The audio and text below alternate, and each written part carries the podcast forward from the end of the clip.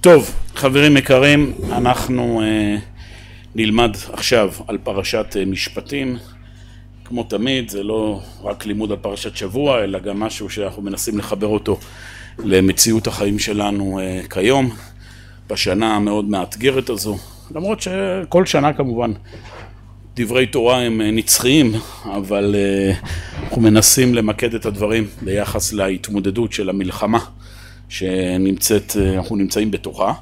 ופרשת משפטים זה פרשה שהיא, כולנו כבר מכירים, היא מגיעה מיד אחרי פרשת יתרו, שיש איזה משהו, כולם, כל המפרשים מציינים את זה, שיש לכאורה איזה מנגינה נפשית אחרת, הפוכה לחלוטין מפרשת יתרו. פרשת יתרו עסקנו בדברים גדולים, מעמד הר סיני, עשרת הדיברות, מה יכול להיות יותר גדול מזה? בפרשת משפטים המנגינה הנפשית היא היכנסות לפרטים קטנים. פרשה מרובת מצוות, מרובת דינים, זה למעשה הפרשה הראשונה בתורה שמתחילים לפרט דינים. עד עכשיו ספר בראשית זה היה כולו סיפורים, אפשר לקרוא לזה. האבות, אה, המציאות של אה, הגיבוש של עם ישראל במהלך ספר בראשית, וכמובן ספר שמות עד עכשיו, זו הייתה יציאת מצרים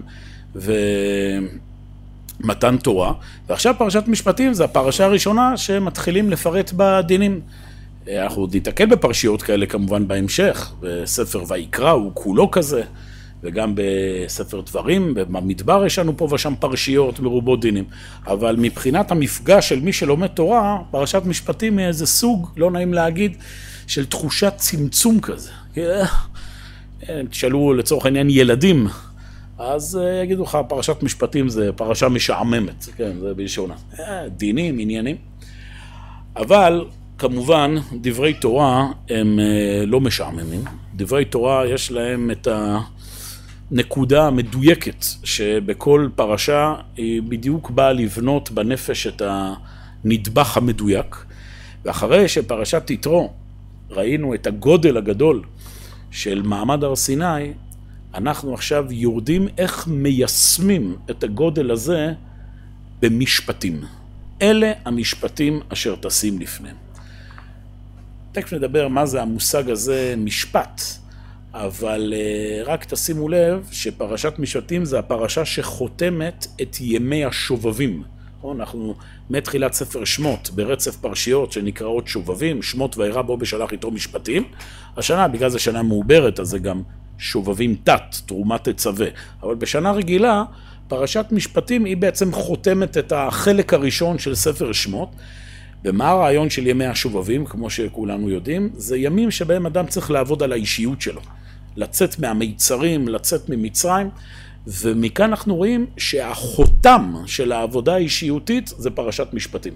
זאת אומרת, כשאדם רוצה לעבוד על האישיות שלו, אז הוא יוצא ממצרים, עשרת המכות, קריאת ים סוף, מקבל תורה, אבל בשביל שהדברים יישארו יציבים, קבועים בנפש וילוו אותו הלאה, זה צריך לרדת למשפטים. זה צריך לרדת לדיוקים מעשיים. זה, זה המכלול השלם של הבנייה האישיותית, וזה גם, אם תרצו, המכלול השלם של התמודדות, אם ניסינו בפרשיות הללו לדבר על התמודדות בזמן מלחמה, אז הנה, יש לנו פה, נקרא לזה, את החותם, שמי שרוצה לפתח חוסן נפשי להתמודדות מול מציאות סוערת ומאתגרת כמו מלחמה, אז מעבר למעמד הגדול של אנוכי השם אלוקיך ולא יהיה לך אלוהים על פניי, שדיברנו על זה בשיעור שעבר, שזה כאילו היכולת של האדם למצוא את עצמו במלחמה, למצוא את אלוקים, את הכיוון, את האל, את אנוכי, באנוכי שלי, למצוא את הקדוש ברוך הוא גם בזמן שאנחנו פה מסביב יהום השר, אז פה פרשת משפטים אנחנו מגיעים לשלב הסופי, נקרא לזה, של בניית האישיות בזמן מלחמה. קראתי לשיעור הזה לקבל אחריות על ההחלטות שלנו במלחמה. משהו כזה, לא זוכר, הניסוח. אלה המשפטים. משפטים זה הכרעה, נכון? מה זה לקבל משפט? משפט זה, יש לי סיטואציה ואני צריך לשפוט כן? להכריע איך להתנהל.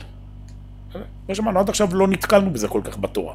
דיברנו, מעמד הר סיני, עניינים, אבל עם ישראל, פשוט הקדוש הוא הנהיג אותו פה, אלה המשפטים אשר טסים לפניהם, וכאן מתחילה התורה ברצף גדול, שאנחנו ננסה לעבור על רובו או על כולו, של דינים שבכל מישורי החיים, זה מתחיל מדיני עבד עברי, זה ממשיך אחרי זה עם uh, כל מיני דיני נזיקים, שמישהו מזיק לשני, מכה, מכה אותו, או uh, uh, פוצע אותו.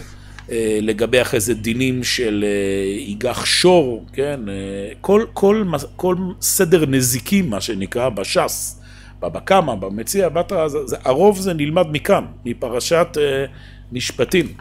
ומשם זה ממשיך אחרי זה על כל מציאות של גניבה, שגם שם איך מטפלים באדם שגוזל מאחרים, ואחרי זה אנחנו מדברים על דינים של צניעות, אם חלילה מישהו... אה, אונס, כן, אה, מישהי, גם פה התורה מטפלת במשפט, איך צריך להתנהל ברגעים מהסוג הזה, אה, על עם גרים מה עושים, עם דיני ריבית, דיני כספים, אחרי זה יש לנו את הצדקה לעניים, ואחרי זה שלא להישבע לשקר בעדות, ולא לפגוע בדלים, ולעזור לחמור שונאך. ולא תתה משפט, ומדבר שקר תרחק, ולא לקחת שוחד, ובסוף, אחרי כל התהליכים הללו, לסיום גם מביאים לנו דיני שבת ושלוש רגלים. גם זה נכנס לנו פה בפרשת משפטים. ואדם מסיים את פרשת משפטים עם הלשון בחוץ, אתה מבין? כאילו, יש פה המון המון נושאים, יש אחרי כל ה... התיאור הזה של כל הדינים וה... שלכאורה בנושאים שונים, זה גם מסתיים שמשה גם מגיע עם זקני ישראל ועושים פה איזה טקס, זורקים את דם הברית, ויראו את אלוהי ישראל ותחת רגליו כמעשה לבנת הספיר וכעצם השמיים לתואר. זאת אומרת, חוזים פה איזה מראה שמחזיר אותנו להר סיני, לאיזה משהו גבוה. ואומר השם, בוא תעלה שוב להר סיני, ומשה עולה ל-40 יום 40 לילה. קיצור, פרשה חבל על הזמן. אמרתי לכם, לא סתם אה, ילדים משתעמים פרשה הזו. כאילו, מה, עד עכשיו היה רצף ברור של אה, נושאים, סיפורים, נחמד, הרביצו למצרים, קראו את ים סוף, השם הגיע מהר סיני. פתאום פה אנחנו מתחילים להתפזר לכל מיני נושאים כאלה נראים דקדקניים, ויחד עם זה, זה כאמור חלק מהר סיני. זה חלק ממעמד השובבים. יש ביטוי ידוע של חז"ל. הרוצה להחכים יעסוק במה? דיני ממונות. טוב, זה משהו משונה. אין אומרים, מי שרוצה להחכים, שיעסוק בפרשת בראשית, לא, שיעסוק בבריאת העולם, במעמד הר סיני, בדברים הגדולים. בעם ישראל, אם רוצים להחכים, אם רוצים באמת לקבל תורה, עיקר העיסוק זה דיני ממונות. מה שעושים בחורי ישיבה, רוב חייהם, זה עיסוק בפרשת משפטים, לא בפרשת בראשית. לא בסיפור קורח ועדתו ולא בחטא העגל. זה סיפורים שאנחנו מקבלים מהם השראה, אבל תכלס, הבשר והלחם של התורה זה העיסוק הזה בדיני ממונות. למה? וכאן אני מגיע אל הנקודה. היכולת לקבל הכרעה, לשפוט, שוב, דיני ממונות, שנכנסים לתוך הסיבוכים של העולם הזה. היכולת להכריע מה נכון ומה לא נכון. איך מתנהלים במציאות מסובכת של גזל, של אונס, של, אה, של מריבות, של אה, קשיים וכולי, זה עמדה נפשית שהיא קו ישיר ממעמד הר סיני. רק מי שמקבל עליו את הקדוש ברוך הוא, אנוכי השם אלוהיך, הוא זה שמסוגל להגיע לפרשת משפטים. פרשת משפטים זה היכולת לקבל אחריות על ההחלטות שלנו, על המעשים שלנו. אנחנו מאוד לא אוהבים את זה. זה לא סתם שהתורה מקדישה פרשה שלמה לסיפור של משפטים.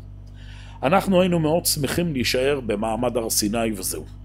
להישאר באיזה רגע של התלהבות, של זה, בלי עכשיו עם כל הפרטים הקטנים והמעצבנים והמפחידים הללו. של לקבל אחריות במה עושים בהחלטות. אם נמשיג את זה שוב למציאות שאנחנו חיים בתוכה, המלחמה שהיא פרצה, היה, כולנו זוכרים, היה רגע של רוממות רוח, נכון? יש מלחמה, אומרת, היה כאב אדיר והלם ו- ו- ו- ופחד וזה, אבל ברגע שעם ישראל מתעורר, קדימה. כולנו עכשיו יחד, עם כלביא יקום וכארי יתנשא, הולכים להילחם ולהינקם את נקמת השם. וככל שהמלחמה מתארכת, מתברר שרק התחושה הגדולה הזו של מעמד הר סיני היא לא מספיקה. צריך לקבל הכרעות. צריך לקבל הכרעות של לחימה. זה מאוד לא פשוט. כל מי שהיה שותף פה, אני מניח שרובכם באופן זה או אחר כבר חווה את הדבר הזה שנקרא שדה קרב. אתה צריך לקבל החלטות של חיים ומוות. צריך להיכנס לפרטי פרטים, ל- ל- למערבולת של קשיים שאתה צריך להכריע, לא לדבר על הכרעות לאומיות. חטופים תמורת uh, הסכם, אני יודע, uh, עם ישראל יהיה איפה להשקיע את הכוחות, איפה להילחם. כאמור, אנחנו לא אוהבים לקבל החלטות. אנחנו מאוד אוהבים להישאר בעמדה כזו של uh, מהאו"ם. שני הצדדים, כן, כן. שני הצדדים צריכים לעשות חשבון נפש.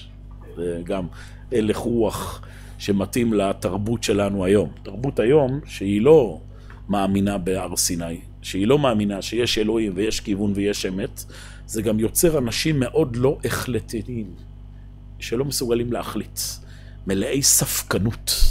כי, כי אני יודע מה האמת, מה נכון, מה לא נכון, מי צודק, אנחנו החמאס. אז כל עוד, בסדר, יש את ההתלהבות, או, פגעו בי, אני מכניס. אבל עכשיו, אחרי חודשיים, אחרי שלושה חודשים, ארבעה חודשים, תשמע, אולי בעצם אה, לא שווה המחיר של המלחמה. אולי בעצם הם צודקים, אולי אה, אנחנו צריכים אחרת. עוד פעם, ודאי שבן אדם כל הזמן צריך לבקר. כן, בדיוק, אבל מתחילים למשוך את זה לכיוונים כאלה שבעצם תוהים על הראשונות. למה בכלל יצאנו למלחמה? המחיר שווה את החיילים שהרוגים. זאת אומרת, יש עמדה נפשית מאוד רופסת. אנשים בלי אלוהים, במשמעות העמוקה של המילה הזו, אלוקים. בלי אמונה שיש אמת בעולם, ויש כיוון, ויש... יש משמעות בחיים. אנשים כאלה הם בדרך כלל מפתחים אישיות רופסת שלא רוצה לקבל החלטות. וזה הנושא הראשון של פרשת משפטים. עבד עברי. עבד עברי זה מציאות של אדם שלא רוצה לקבל החלטות. זה הרעיון של עבד עברי. היום אנחנו לא מכירים כמובן את המציאות הזו, אבל עבד עברי זה בעצם אדם שלא מסוגל לנהל את החיים שלו בצורה עצמאית. בסדר? מסתבך בחובות, ועכשיו הוא נקנה לעבדות. זאת אומרת, העבדות בעם ישראל זה היה סוג של אה, משפחת אומנה כיום, סוג של שיקום, לא משפחת אומנה, שיקום עבריינים. זאת אומרת, הרעיון הזה לא עבד כמו שאנחנו מכירים בסרטים, שהם מרביצים לו וזה, הפוך, צריך לכבד אותו, יש הרבה דינים שמי שקנה, ככה אומרים, מי שקנה עבד, קנה אדון לעצמו. ככה חז"ל אומרים, אם יש לך כרית אחת, אתה נותן לעבד ולא לך, ברמות האלה. מה הרעיון אבל של עבדות? הרעיון היה לקחת אדם שלא מסוגל לנהל את החיים בצורה עצמאית ולתת לו במציאות זמנית איזה תנאי חיים שהוא עובד אצלי, הוא שייך, הוא כוח עבודה אצלי, ועל ידי כך אנחנו משקמים את החובות שלו ומחנכים אותו לחיים עצמאיים. עכשיו, אנחנו כולנו בראש שלנו, עבד, בטח רוצה כל הזמן להשתחרר, נכון? כאילו, מה, מי רוצה להיות עבד? אז זהו, חז"ל אומרים, ממש לא. מתברר שהעבדים לא רצו להשתחרר. למה אומרים חז"ל? עבד בהפקרה ניחא לי. עבד, העמדה הנפשית הזו של העבדות, שאני לא צריך לקבל החלטות, אתם מבינים? זה, זה, זה הקסם בלהיות עבד. מישהו אחר מסדר לי את החיים, יש כל מיני סוגי עבדים. אדם יכול להיות עבד למשל, שהוא נמצא בצבא, והוא לא רוצה להשתחרר. יש תופעה כזו. מתברר. אנשים שדווקא טוב להם ממסגרת שאומרים מה לעשות, יש כרטיס נסיעה, יש, כן, כולה, אחד ההלם שבן אדם משתחרר מהצבא, זה שהוא תתחיל, צריך להתחיל לשלם על נסיעות. זה, זה משהו ש...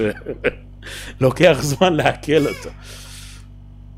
אפילו עכשיו המלחמה, שזה כמובן מציאות שזה, יש איזה משהו, שוב, במציאות המלחמתית, מבינים שהכל ברור והכל פקודות, ויש...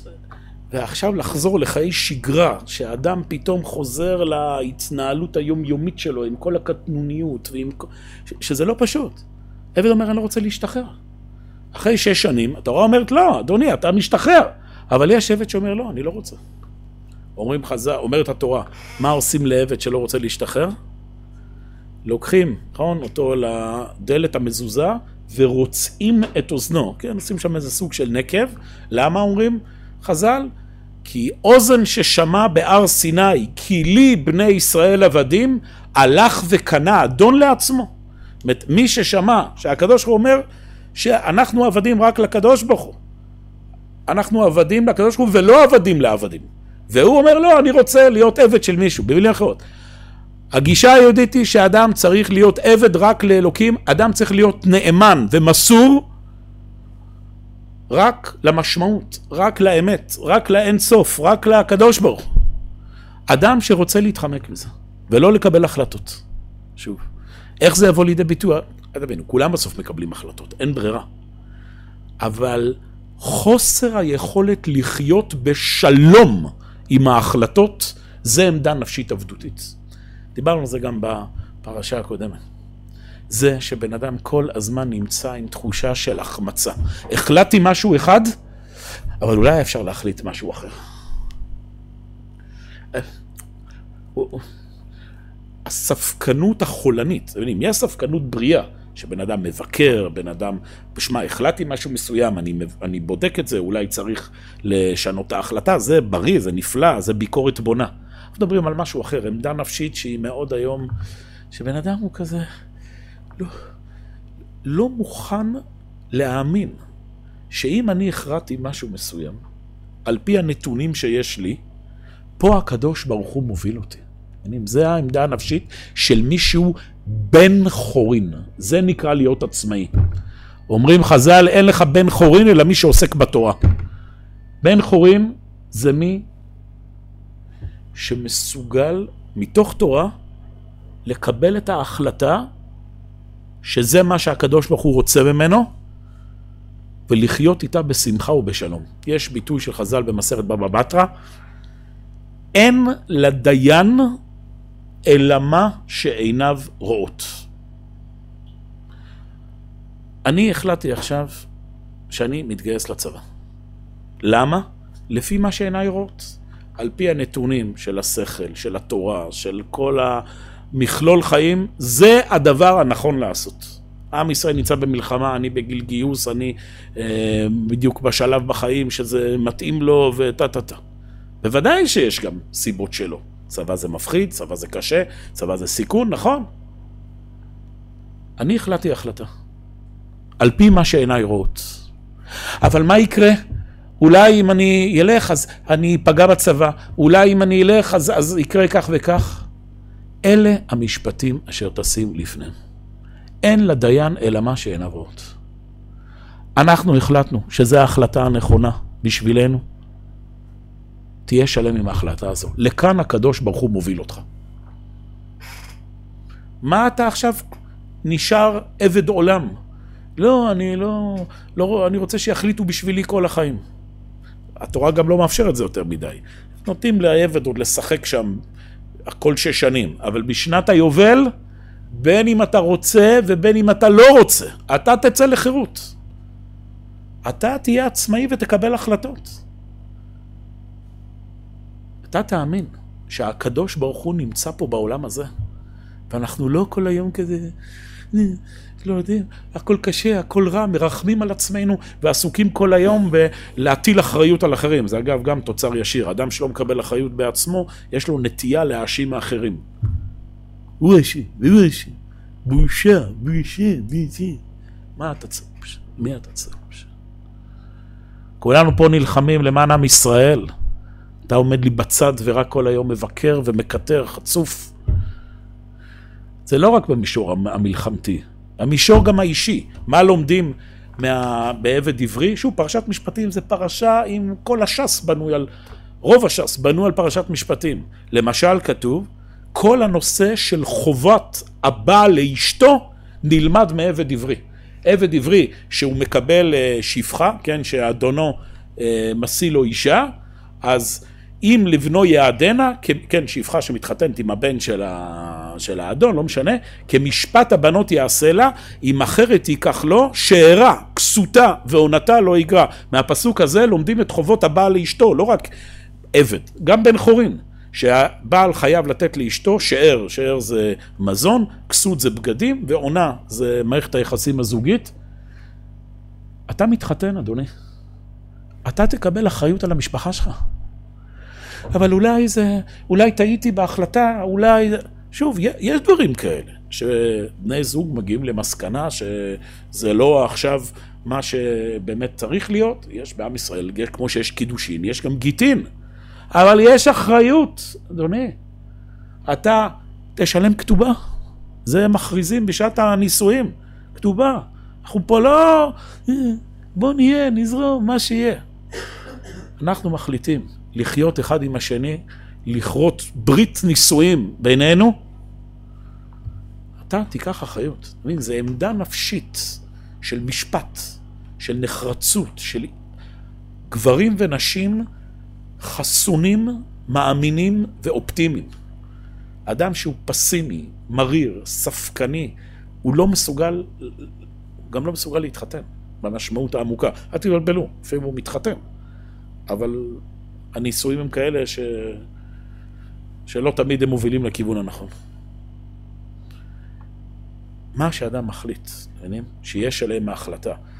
לפני מספר שנים היה לי איזה מקרה, אני קצת כמובן מטשטש פרטים שלא חלילה אה, יקשרו. התייעץ איתי זוג שאחרי 15 שנות נישואים החליטו להתגרש.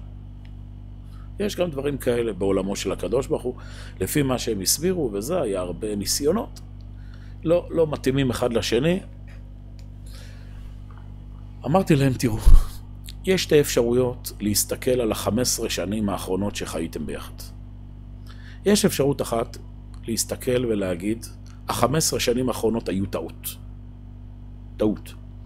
בזבזנו את השנים הכי יפות בחיים שלנו. אתם יודעים, זו עמדה כזו. טעינו. הכל, הכל היה פה... לא פגשנו את הקדוש ברוך הוא ב-15 שנים הללו. ברגע שזו העמדה הנפשית, עכשיו להתחיל חיים חדשים, הם היו באזור גיל 50, לא יודע, להתחיל חיים חדשים בגיל 50 זה מאוד קשה. יש תופעה כזו היום בעולם החילוני, יש, כן, זה נקרא שלב ב', כאילו זה קיים בכל העולמות, אבל יש כזה גישה בעולם החילוני ששלב ב' זה כאילו, תשמע, אכלתי אותה, החיים שלי בעצם בוזבזו, אז עכשיו, יאללה, בשלב ב', מה שבא, יאללה, מה שיהיה יהיה, לא אכפת לי כלום, לא אכפת לי זה, אני פה עכשיו... אה, כי, כי החיים כל כך קשים, אז בואו ננסה טיפה ליהנות לפני שאנחנו מתים. יש גישה שנייה, אמרתי. לפני 15 שנה, לפי הנתונים שהיו לכם, לפי האישיות שלכם, ההחלטה להתחתן, זו הייתה ההחלטה הנכונה. זו הייתה האחריות שקיבלתם על עצמכם. ובמקרה שם היו ילדים מהנישואים האלה. זאת אומרת, נשאר משהו מההחלטה הזו שיישאר לנצח. אתם פגשתם את אלוהים ב-15 שנה האלה באופן מסוים, ואתם עכשיו הולכים להיפגש עם הקדוש ברוך הוא באופן אחר. מתוך שמחה, כן. יש שלב מסוים, הסתיים, יש לזה את המחירים כמובן, כתובה, yeah. ועכשיו הולכים לבנות את החיים, שוב, הקדוש ברוך הוא נמצא עם הבן אדם תמיד. אין לדיין אלא מה שהן עברות, אלה המשפטים שתשים לפניהם. אם זה עמדה נפשית של אחריות ושלמות עם ההחלטות. זה האנשים שאנחנו צריכים גם בהנהגה. ברוך השם גם יש כאלה. לא תבינו, אנחנו לא בין אלה שעסוקים כל היום, אה, ממשלה זה נגז. זה גם איזה משפט אה, סלוגן שהשמאל הכניס פה לאווירה. איך, העם הזה לא ראוי לממשלה הזו, משהו כזה, או הממשלה, כן, זה, כאילו יש את העם ויש את הממשלה, כאילו העם זה כאילו אנחנו השמאלנים המפגינים, והממשלה זה 70 אחוז מהציבור היהודי, שהם העזו לבחור בממשלה הזו, אז הם הממשלה זה אתה, אנחנו זה ממשלה, בסדר? יש אנשים בכל שכבות, ה... לא ממשלה, גם צבא, גם משטרה, אנשים שלוקחים אחריות ועושים כמיטב יכולתם. יש מה לשפר, יש דברים, צריך לבדוק, יש ועדת חקירה, יש מיליון דברים. אבל העמדה היא לא עמדה נפשית של האשמה ומסכנות.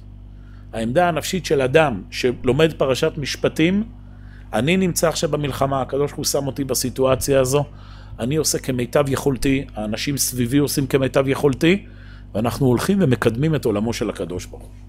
ואז זה ממשיך הלאה בפרשה. כל דיני נזיקים.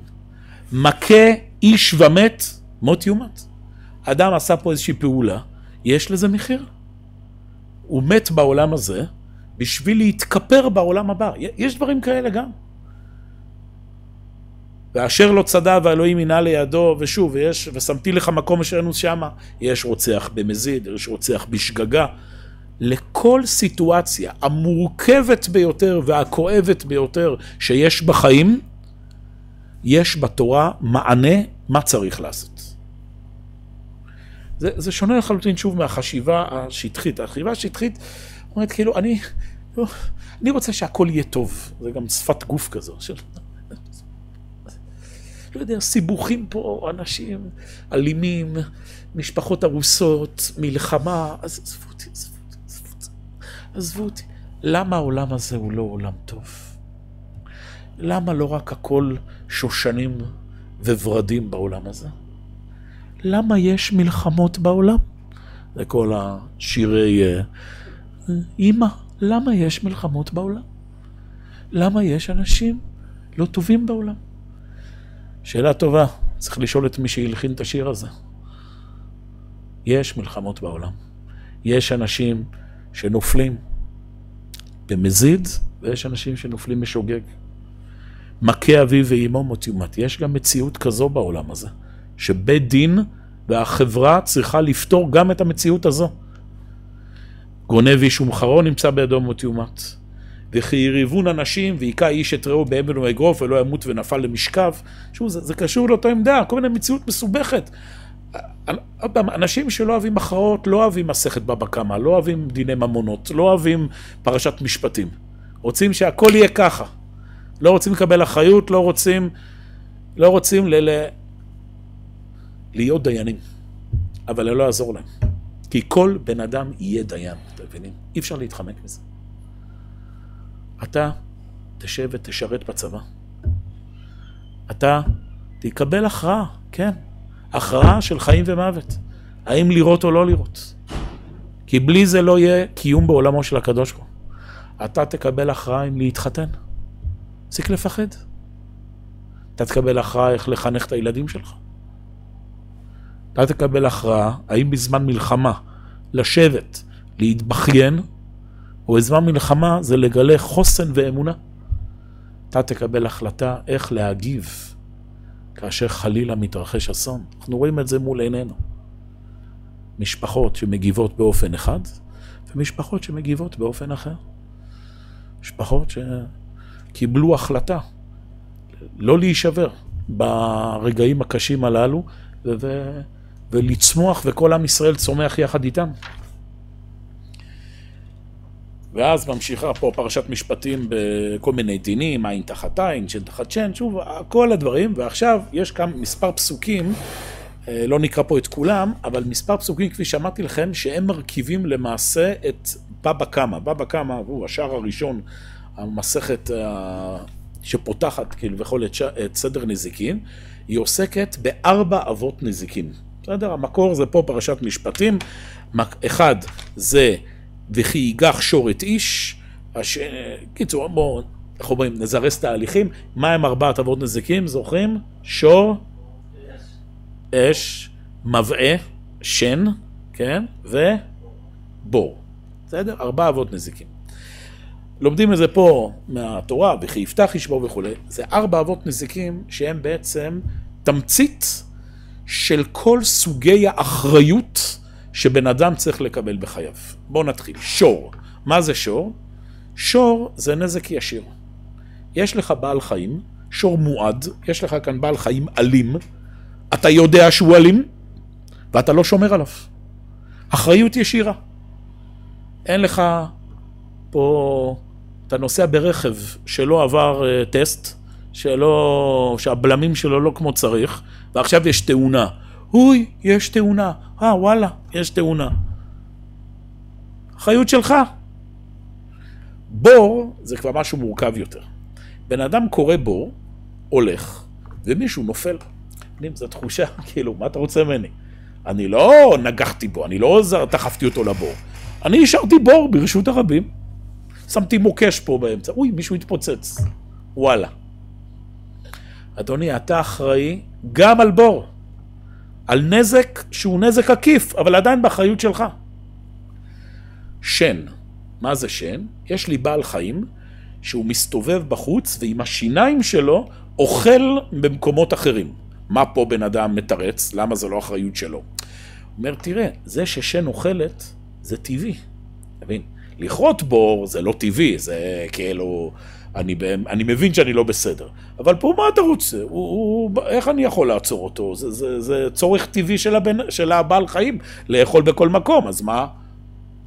השלישי זה, הרביעי זה אש. אש זה בכלל סטלנות. מה הרעיון של אש? אני מדליק אש, והאש מתפשטת. נו, אתה לא חושב שזו אחריות שלך? לא ידעתי שתהיה רוח. אתה רוצה ממני? אני הדלקתי אש פה. אני ידעתי שהרוח תביא אותה לשדה של השני. אומרת התורה, מי שהוא שופט, מי שהוא בעמדה נפשית של פרשת משפטים, מי שהוא ממר סיני, הוא אחראי על כל מה שקורה בחיים שלו. המילה אחריות זה מלשון המילה אחר. אתה לא משחק אותה ראש קטן. מעגלי האחריות שלך זה על כל מה שסביבך. נתחיל מאש. מה ההקבלה, אם שוב אנחנו מדברים במציאות שלנו היום, מה זה נזק אש של היום? מה אתה מפיץ לי שמועות בוואטסאפ, תגיד לי? מבעיר פה כל מיני פחדים והיסטריות. מה, מה אתה רוצה? אני רק אשתף. זה... איך, איך זה, אה, מה כתוב שם בדעות וואטסאפ? אה, הוא עבר פעמים רבות. זה עוברים רבות. שתפו בכל הכוח. שיתפתי. יש פה איזה מישהו היסטרי שיש לו בראש עכשיו שמועות ש... לא יודע, האיראנים והרוסים אה, עולים במנהרות מתוך, אה, מתוך אה, מכון מאיר. אחריות, בן אדם, מה אתה מביר פה? בואו נלך הלאה. אה, בור, מה זה בור? בן אדם מפיץ פחדים. אה? לא שמועות, לא משהו שמתפשט. הוא פשוט משדר סביבו כל הזמן חולשה ופחדים. הוא שם פה בורות שאנשים יפלו אליהם. אין, הכל אבוד, אני אומר לך. אין, אין סיכוי, אין. זה הדבר הכי גרוע שהיה יכול להיות. הלכה מדינת ישראל, הלך עם ישראל. זה יותר גרוע ממלחמת יום כיפור. זה יותר גרוע מהשואה. זה יותר גרוע ממלחמת העולם השנייה. זה יותר גרוע משעבוד מצרים. בוא, אתה רוצה עוד קצת להעמיק פה את הבור? בוא... מה, מה אתה רוצה? אני רק אומר את דעתי. תתגבר על הרצון שלך להביע את דעתך אם אתה רואה שזה מחליש אחרים. שן זה משהו יותר מורכב. בעל חיים, מה אתה רוצה? הוא חייב לאכול, טבעי. יש דברים, מסביר לך בן אדם שמזיק לאחרים בחוסר אחריות, שהם טבעיים. פחד זה דבר טבעי, מה אתה רוצה? זה, זה, זה, זה מסתובב בחוץ, זה, זה... רחמים זה דבר טבעי. יש פה חטופים. מה? לא. איך אפשר למנוע הסכם? זה לא טבעי ש... ש... שנוותר פה על כל מדינת ישראל בשביל, אה, בשביל אה, הסכם עם חטופים? כידוע. אין שכל, אין, אה, אין שיקול דעת, אין זה, זה, זה, זה רגש, זה, זה, זה דבר... שלוט בעצמך. שלוט בעצמך. עכשיו לא נכנס, אדם באופן אישי נמצא בסיטואציה, משפחה, אין דנים אדם בשעת צערו, אבל זה לא אומר שעכשיו כולנו הולכים פה להתיישר סביב השיגעון הזה. מי שאחראי, וכל אחד פה אחראי, צריך לעמוד צורה יציבה. אנחנו מבינים את הכאב, ואנחנו עושים הכל. הבנים שלנו מסכנים את עצמם בעזה בשביל להציל. ונראה לך שעכשיו אנחנו פה נבעיר אש ו- ופה נסכן את מדינת ישראל כי, כי, כי אי אפשר לעמוד בפני דמעות של אימא? ומה עם הדמעות של האימהות ש... שהבנים שלהם יהרגו על זה ששחררו פה עכשיו את המחבלים? חלקכם אולי לא זוכרים את זה, הייתם אולי יותר צעירים. אה, לא שאני כזה זקן, אבל במעט. שהיה בזמנו עסקת שליט. אתם יודעים מה היה הסלוגן אז? גלעד שליט, הילד של, איך זה? הילד של כולנו, הבן של כולנו. נו, עכשיו ילד, מה? אם הבן שלך היה בעזה, היית מתנגד לעסקה? תשובה לשאלה מהסוג הזה צריכה להיות כזו. אם הבן שלך, זה היה הבא שהולך להיהרג מחיניה סינואר שהשתחרר בעסקת שליט, גם היית מסכים לעסקה? תהיה שופט, תהיי דיינית. עמדה, חוסן. מבינים? זה הרעיון של פרשת משפטים, היא באה לייצר אנשים כאלה. לא איזה אנשי תקשורת כאלה, שרק רגש והיסטריה ופחד ורוע. אנשים עם אמונה. בטח שור, אדם שבאופן ישיר פוגע באומה שלו. יש גם כאלה לצערנו. זה נזקים שצריך ללמוד איך לטפל בהם. אז מה עושים לאחרים? אנחנו לא האחראים על כל דבר. אבל כל אדם שיבדוק שהוא לא שותף להיות אחד מארבע אבות נזיקים. וזה ממשיכה הפרשה הלאה. לגבי, שוב, יש פה עניין של גניבה. אדם גונב, יש דין מדויק. כמה צריך לשלם? יש דיני שומרים. זה אותו רעיון. אתה עכשיו שומר. אז שאלה, שומר חינם, שומר שכר, שואל, סוחר, יש רמות שונות, אבל לכל רמה יש את האחריות שלה. אתה שומר שכר, נכון? אתה קיבלת פה משימה, זה העבודה שלך. אז אתה אחראי בבקשה על הדבר הזה. טוב, אתה שומר חינם, אתה אומר שפה אתה לא מקבל שכר, אתה עושה זה כהתנדבות, טוב, אז יש דברים שאתה לא חייב. אבל פשיעה, אתה תשלם גם את השומר חינם. מה אתה חושב פה, שאתה לקחת אחריות מסוימת ועכשיו אתה חופשי כי לא משלמים לך כסף? כולנו אחראים פה על המדינה. אז יש דברים מסוימים, בסדר, שכל אחד התפקיד שלו, זה שלו. אבל יש בפשיעה, מה אתה פושע לי פה נגד המדינה? נגד העם שלך? וכן על זה הדרך. וזה ממשיך. התורה ממשיכה פה מה קורה גם ש... כי יפתה איש בתולה אשר לא הורסה ושכב עמה. שוב, היום אנחנו מבינים מאוד את הדינים האלה, צריך להבין, התורה כתבה את הדברים לפני שלושת אלפים שנה. לפני שלושת אלפים שנה הנושא הזה של ניצול מיני, פגיעות מיניות, זה היה משהו שכאילו בכלל לא נתפס כפגיעה. כאילו, מה זאת אומרת? ברור שבעל הכוח, שבדרך כלל היה הגבר, יכול לעשות מה שהוא רוצה לאישה. אתה אומרת, לא, אדוני, אתה עשית משהו? מהור ימרנה לא לאישה. אתה תתחתן עם האישה הזאת, אתה לא תשאיר אותה עכשיו ככה. שוב, אנחנו היום נראינו משונה, כאילו מה, להתחתן זה, זה פרס, מה, אבל בזמנם זה, כל המערכת הנפשית הייתה בנויה אחרת, כאילו, ה... זה, זה היה הדרך להרתיע את, ה, את הפושעים באותה תקופה. שוב, אתה תיקח אחריות על, על המעשים שלך, בסדר? אתה תשלם, בריבית אתה תשלם, על הפגיעה שאתה עשית פה. באמצע, שימו לב, יש פסוק מעניין, מכשפה לא תחיה. בתוך כל הדינים האלה, פתאום, מה זה מכשפה? שמסבירים המפרשים, איך זה נכנס פה לנושא של האחריות. מה זה מכשפה? מכשפה, בזמנם, זה היה סוג של מגדת עתידות כזו. מישהי שאומרת לך, תקשיב, לא צריך לקבל אחריות. אנחנו נעשה פה כישוף, נעשה פה קסם, והכל ייפתר. יש בתורה כל מיני שמות, יש מכשפה, יש ידעוני, כן, בעל עוב וידעוני. ידעוני זה מלשון ידיעה. ואדם אומר לך, תקשיב, אני יודע מה יהיה. לא צריך להתאמץ, לא צריך לאסוף מודיעין, לא צריך uh, לעבוד עם הפרטים, להיכנס לכל הזה. בוא, אתה זוכר מה רצית? להיות עבד, נכון? רצית להיות כזה אחד שסוטה לו על המיטה ושכולם ככה פותרים לו את הבעיות והוא לא צריך לקבל הכרעות קשות והוא לא צריך לעמוד בלחצים. הנה, אנחנו נפתור לך את הבעיות. כל מיני משיחי שקר שמבטיחים, אם רק נעשה את זה, אם רק, אה, כל הבעיות ייפתרו, רק תבחרו בי, אם רק אני... ברור שכל אדם מנסה להציע את הפתרונות שלו וכולי, אבל העמדה הנפשית היא תמיד שאין פה כישופים ואין קיצורי דרך. המלחמה הזו והמאבק של עם ישראל זה מאבק שנמשך 150 שנה כבר. הוא גם יימשך בעתיד. מאבק ארוך, שצריך לדעת איך להתמודד איתו, בשכל, בבחירה חופשית, בהתייעצות, בשיקול דעת, בתחום הביטחוני, החברתי, הכלכלי, הרוחני. המחשבה הזו שככה הדברים נפתרים. שוב, זה גם ברמה האישית, ככה בן אדם חושב שהבעיות שלו בחיים ייפתרו.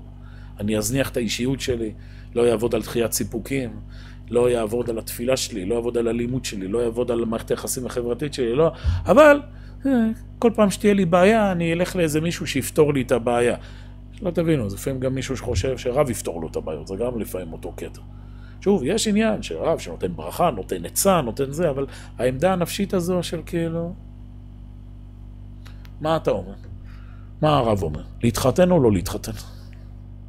מה אתה רוצה? רוצה כישוף? רוצה שאני... יכול להגיד לך, תקשיב, כמו שאני מכיר את שניכם, נראה שאתם באמת זוג מתאים, וברוך השם, אתה עובד יפה, היא עובדת יפה. אנחנו מברכים אתכם, שבעזרת השם יהיה בית נאמן בישראל.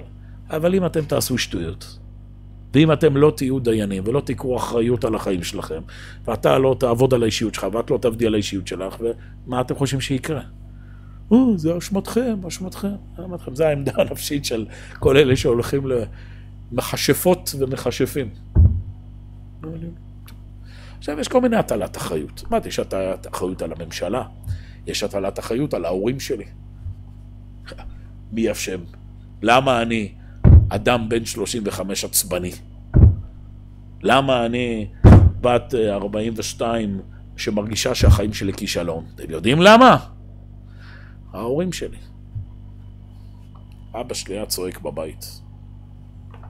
ואימא שלי, היא לא הייתה מספיק בבית.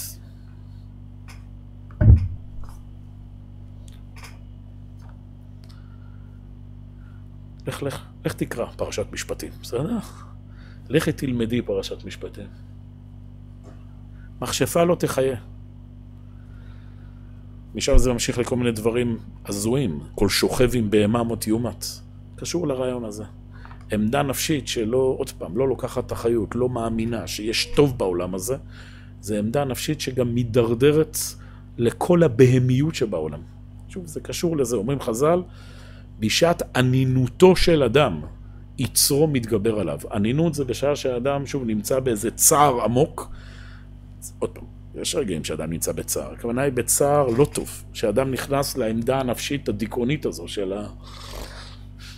אין אלוהים, הכל נופל, יצרו מתגבר עליו. שוב, לא נרחיב את זה פה, אבל ברור.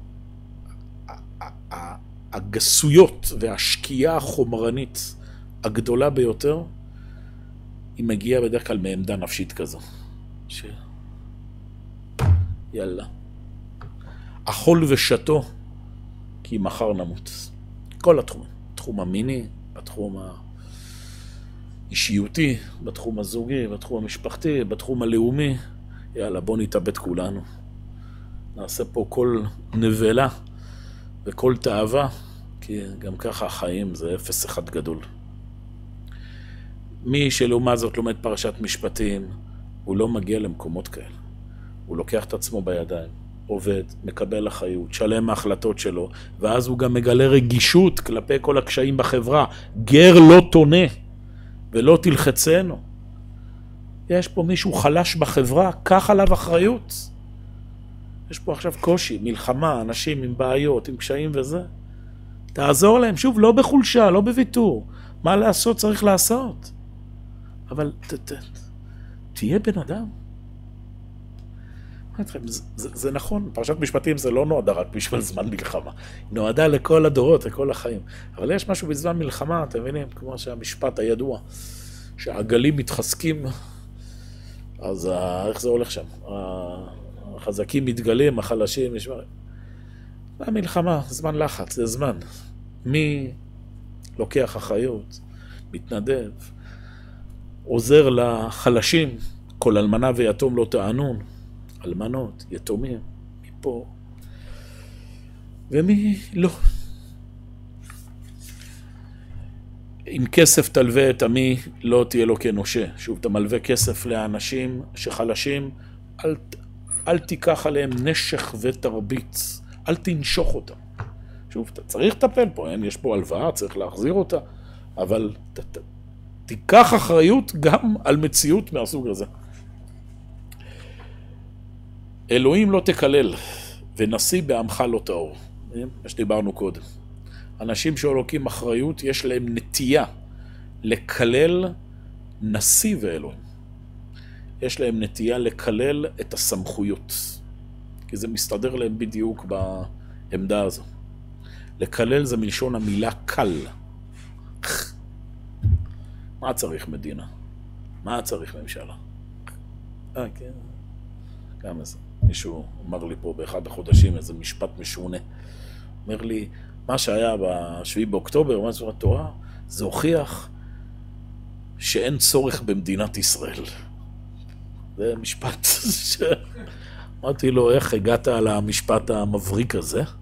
אז הוא אומר לי, הנה, הוכח שצה"ל לא יכול להגן על, ה... על. על זה.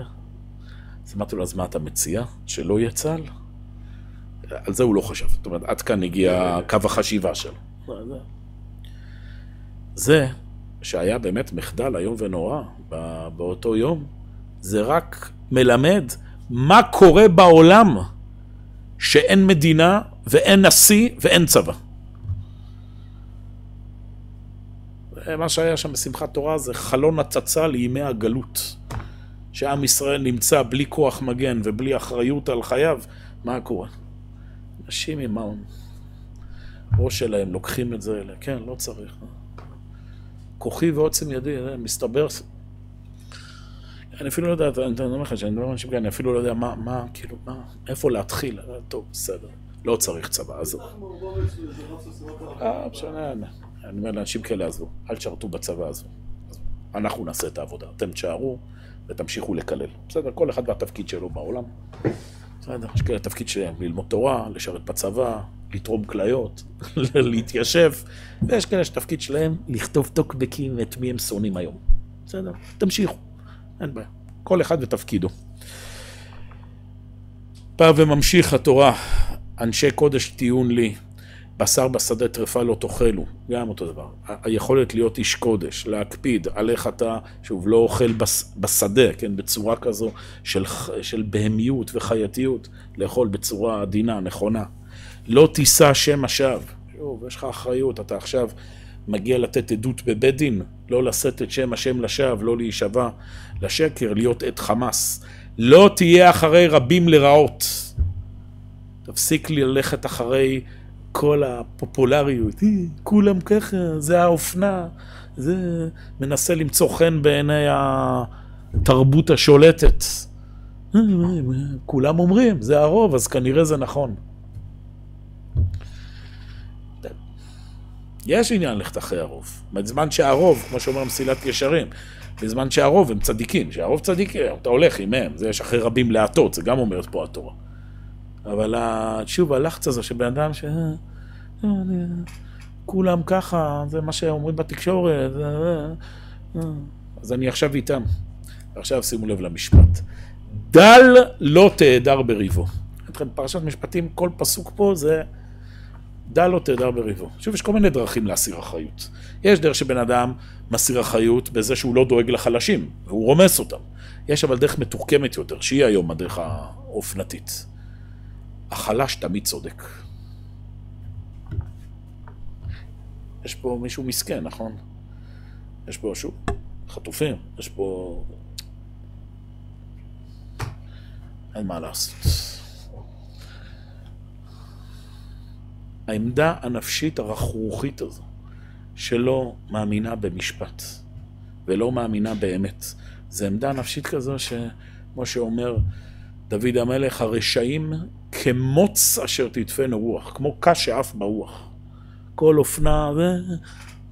הצדיק כעץ שתול על פלגי מים.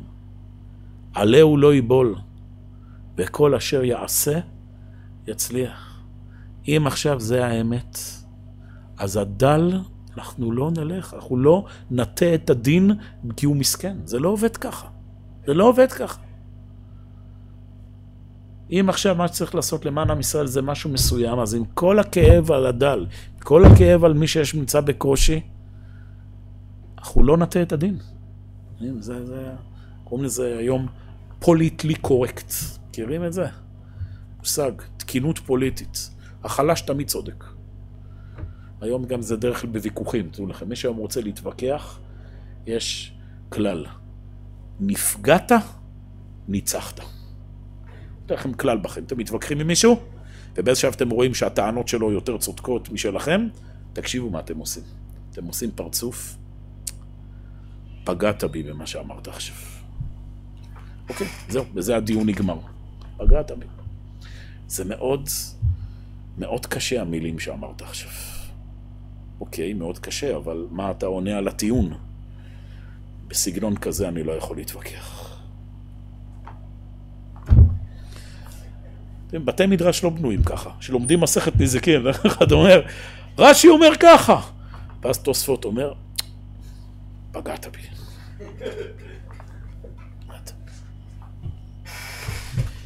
דע לא תהדר בריבו, תפסיק להיפגע כל היום ולעסוק במסכנות כל היום, בסדר? זה מה הקדוש ברוך הוא רוצה מאיתנו. וזה מה ששוב, דווקא העמדה הזו היא מאפשרת את הרגישות, כי תפגע שור אויבך וחמורו, כי תראה חמור שונאך רובץ תחת מסעו, עזוב תעזוב עמו. אתה מבין, אדם שנמצא בדי, בעמדה נפשית כזו של משפט ואחריות, הוא עושה את מה שצריך לעשות, ואם עכשיו השונא, על פי דין צריך לעזור לו, אז עוזרים לו. זה האישיות שתורת ישראל מטפחת אלפי שנים. זה הרעיון של לימוד תורה, אתם מבינים? זה לא סתם לימוד תורה, זה, זה הבריח ש, שבנה את עם ישראל, הישיבות. זה מה שמגדלים בעולם התורה. אנשים ככה. זה, זה הרעיון. יש כזה ביטוי ביידיש, שמעתם פעם על הביטוי מנץ', שמעתם את הדבר הזה? מנץ' זה מן, כאילו. יש גם מנצ'ית, כן, לא, יש גם, יש גבר ויש אישה. אנשים בני אדם, באחריות, מכובדות, עם... בלי כל ה... אני קורא לזה סליים, סליים רוטט. יודעים מה זה סליים? חומר המגעיל הזה בין האצבעות. מאוד ישר. מאוד ישר ותעשה את מה שצריך לעשות. מדבק שקר תרחק, שוחד לא תיקח, גר לא תלחץ. השש שנים תזרע את ארצך ואספת את תבואתה, שנת שמיטה, זה גם קשור לזה. היכולת של בן אדם, שש שנים אתה עובד, וזה, עכשיו ההחלטה היא להשאיר שנה את האדמה. זה לא פשוט, אז ייקחו לי את ה... ב... לא יהיה לי מה לאכול. זה ההחלטה, זה מה שהקדוש ברוך הוא בשביל, יש את הסיבות לזה, לצדקה, לתת לאדמה לנוח וכולי. היכולת לדחות סיפוקים, לעשות בכל רגע נתון, גם במעגל האישי, גם במעגל החקלאי, גם במעגל הלאומי, לעשות את הפעולות הנכונות, זה המנגינה של פרשת משפטים. בסדר? מאין סוף זוויות. זה מה שכל הש"ס בונה בעם ישראל. ואז זה מסתיים, כן, שוב יש פה עוד מיליון דברים, אני לא אכנס פה להכל, יש כאן גם שלוש רגלים. אותו דבר, שלוש רגלים, בדיני שבת. פרשת משפטים מקיפה הכל, גם במעגל הזמן. יש את הזמן שבו בן אדם צריך להכריע, לעזוב את המשק, לעזוב את היום-יום שלו, ולעלות ברגל לירושלים, להתמלא בקדושה, להתמלא בתורה. עכשיו הולכים למילואים, כן? מה שצריך לעשות. זה, זה, זה, זה הכל חלק מאותו דבר. ברגל, כן, ברגל. לעלות, להיות אקטיביים, להיות פעילים. ובזה סוגר את הפרשה שמשה רבנו, אחרי שאנחנו אומרים, עם ישראל עובר את כל המערך המשפטים הללו, ויראו את אלוהי ישראל ותחת רגליו כמעשה לבנת הספיר וכעצם השם מן התואר, כמו שדיברנו בהתחלה. פרשת משפטים היא אחרי פרשת יתרו של איזה מעמד גבוה וזה, במשפטים יורדים אל כל הפרטים, אל כל האחריות, אל כל ה... ואז שוב עולים אל הר האלוהים. משה עולה ל-40 יום, 40 לילה.